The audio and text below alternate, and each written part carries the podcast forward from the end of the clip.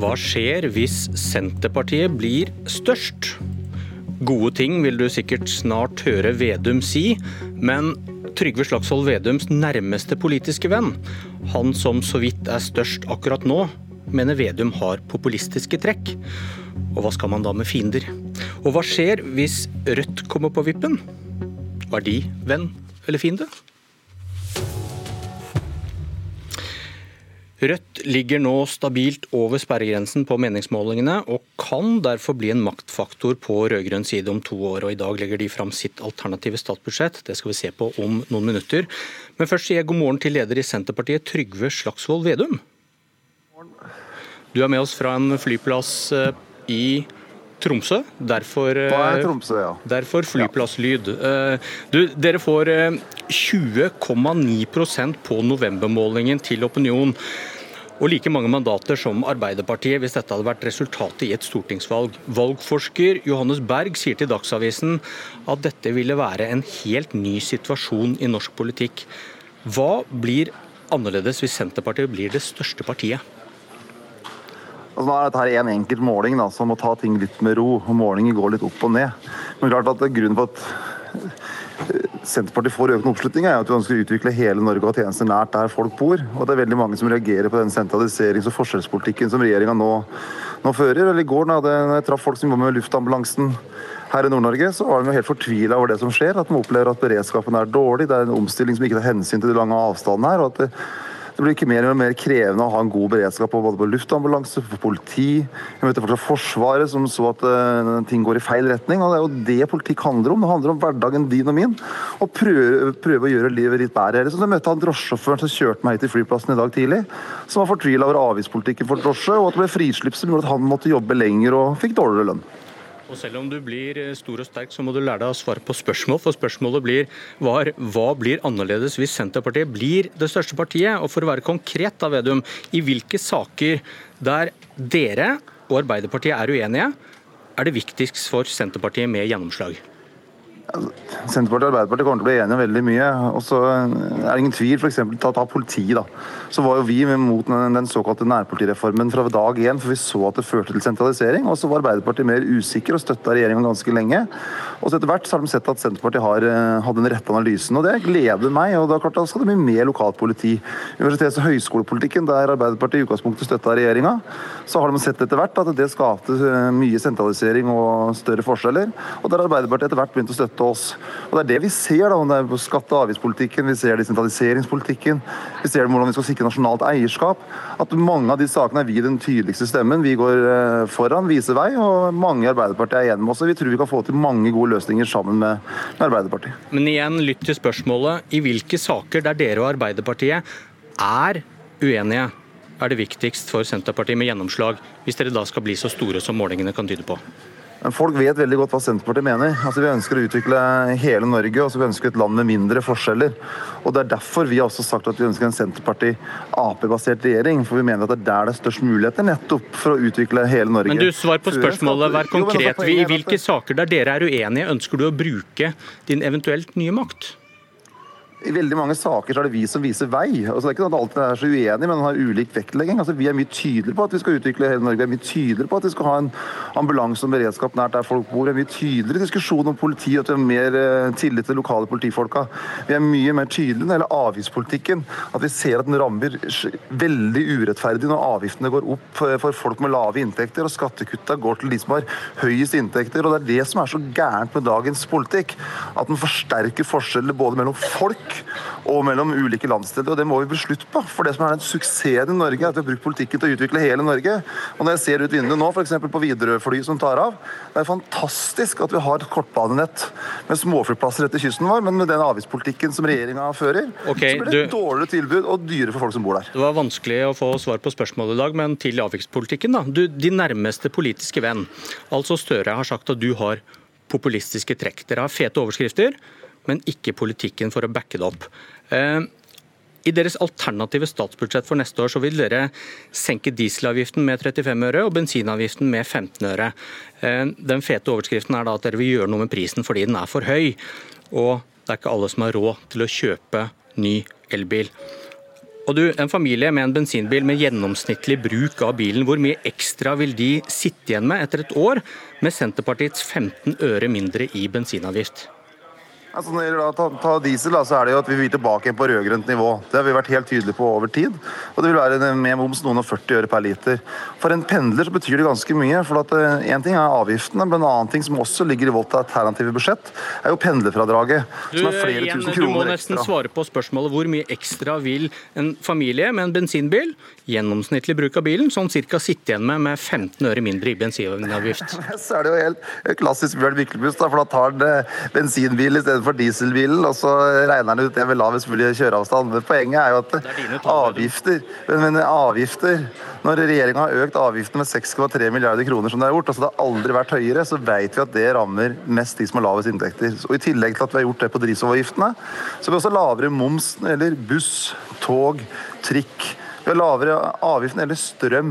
Vi har lavere avgift for en del av norsk næringsmiddelindustri. fordi at vi mener den utviklinga som gradvis har skjedd under dagens regjering, at man vrir skattetrykket fra skatt etter evne på inntekt til avgift, er en feil vei. Og det er de, det er, de Men jeg får nesten, svare, jeg får nesten svare for deg. De får 150 kroner ekstra i året. Betyr det noe som helst for en families økonomi? Summen av de avgiftsøkningene som nå har skjedd, det betyr noe for en families økonomi. For veldig mange av de som da Eh, f.eks. har en, en bil. De er ofte pendlere.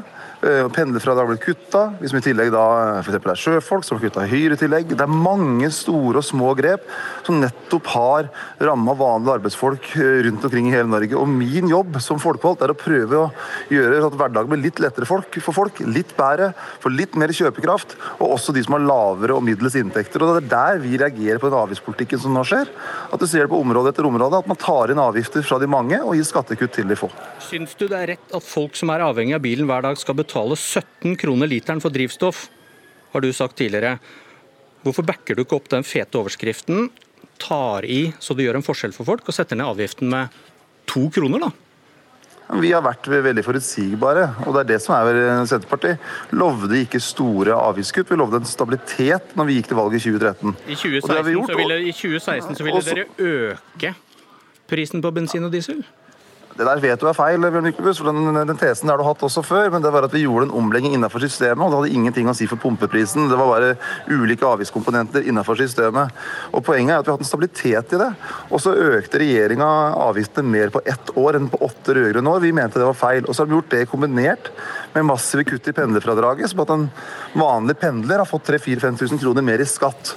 Og Det er summen av de ulike tiltakene som har forsterka de geografiske forskjellene, som vi mener er grunnleggende feil. Og så mener vi det er feil å stramme inn skattebyrden for vanlige arbeidsfolk som f.eks. har større kostnader med reising til jobb. God tur, Trygve Slagsvold Vedum. Jeg gleder meg til å kjøre Widerøe-flyet til Brønnøysund. Det blir bra. Det er greit. Eh, leder i Rødt, Bjørnar Moxnes, velkommen. Takk for det. I dag legger du fram Rødts alternativ til regjeringens statsbudsjett. Hva er hovedgrepene? Vi tar grep for å både få ned eh, forskjellene og få ned ulikhetene. Eh, sju milliarder mer til velferd eh, i kommunene. Tre milliarder til billigere og gratis tannlege for mange. To milliarder mer til økt barnetrygd, og så innfører vi en såkalt klimarabatt. Hvor vi altså henter inn ca. 3 milliarder gjennom å øke CO2-avgiften, som vi betaler tilbake til alle som har eh, under 600 000 kroner i inntekt, for å stimulere til mer miljøvennlig eh, livsstil og forbruk, men også uten å straffe de som har lavere gjennomsnittlig inntekt. Hvordan betaler dere for dette? Vi øker skattene særlig for de som tjener over 1 million kroner, eller som har over 50 eh, millioner kroner i formue.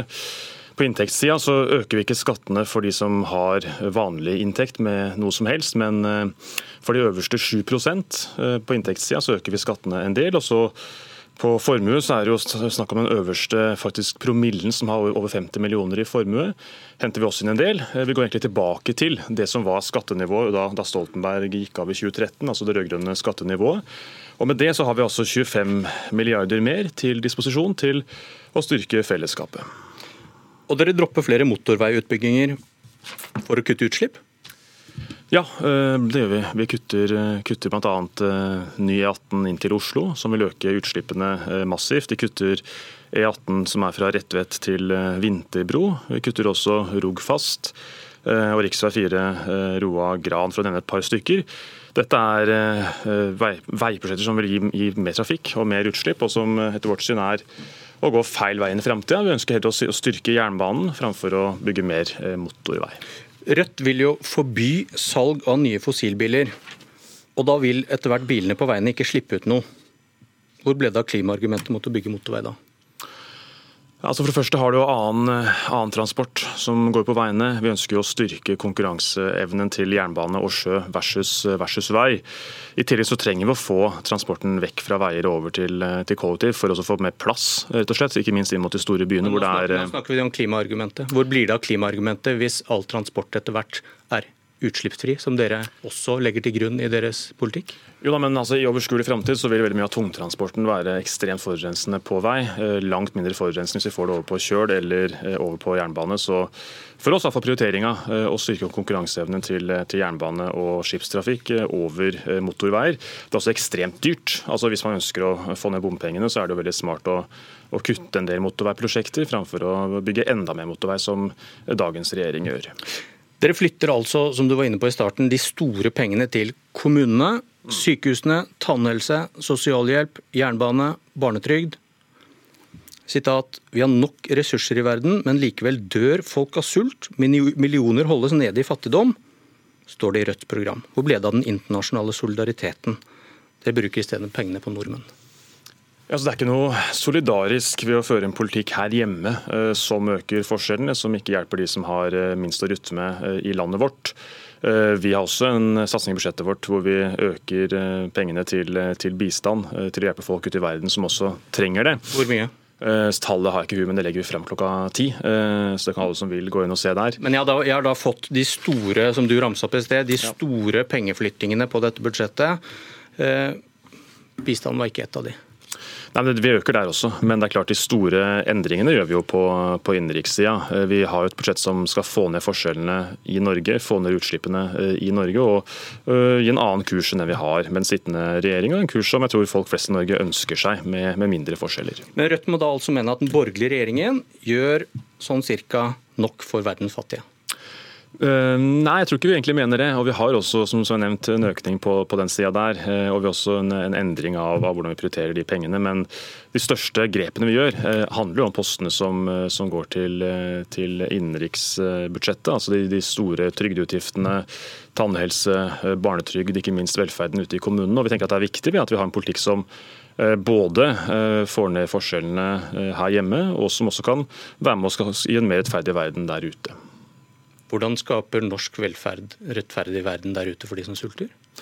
Nei, men Det henger jo, altså, det er ikke noen motsetning. Altså, Dagens regjering i hvert fall, de fører en politikk som jeg tror mange reagerer på, hvor, eh, hvor forskjellen mellom folk i Norge blir større. Hvor, eh, hva har det med de som lider ute i verden å gjøre? De trenger da pengene mer enn absolutt alle grupper i Norge, hvis man skal tro Rødts ja, det, idealistiske program. Folk som har veldig god råd, pleier å si det til folk som er fattige i Norge. Du har ikke noe å klage over, fordi at folk sulter i Botswana. Jeg tar bare vi, deres egen politikk nei, på alvor. Nei, vi er uenig i det. Vi sier at det er viktig å hindre at folk i Norge blir stående utafor, blir hengende igjen etter. At folk i Norge ikke har råd til å ha en god tannhelse fordi de har eh, en, en, en tynn lommebok. Det skal vi få gjort noe med eh, i vårt budsjett. I tillegg til det skal vi også føre en politikk som er eh, solidarisk internasjonalt, ikke minst med en annen utenrikspolitikk. En annen politikk når det gjelder deltakelse i internasjonale operasjoner, som den sittende regjeringa er veldig opptatt av. Men det er ikke noen motsetning etter vårt syn mellom å være solidariske i Norge og også for en politikk som er solidarisk internasjonalt. Det kan fint gå hånd i hånd. Men dere bruker ikke milliardene på det, hva var vel poenget da? Du, hvor mange, milliarder hvor mange kvoteflyktninger ønsker du å ta imot neste år? Vi ønsker å øke eh, opp til eh, å ta imot 5000 eh, neste år. Men dere vil jo ha 20? Omkring, eh, dere skulle jo ta imot 20 i året? Men Det handler jo om at vi må kunne ha et apparat eh, for å kunne ta imot alle flyktningene. og Da må vi bygge opp det gradvis. Det er bygd kraftig ned i den sittende regjering, så må altså ha kapasiteten i orden før vi kan ta imot 20 000. Så det er en opptrapping. Takk, Rødt-leder Bjørnar Moxnes. Dette var et Politisk kvarter. Jeg heter Bjørn Myklebust. Og nå fortsetter Nyhetsmorgen.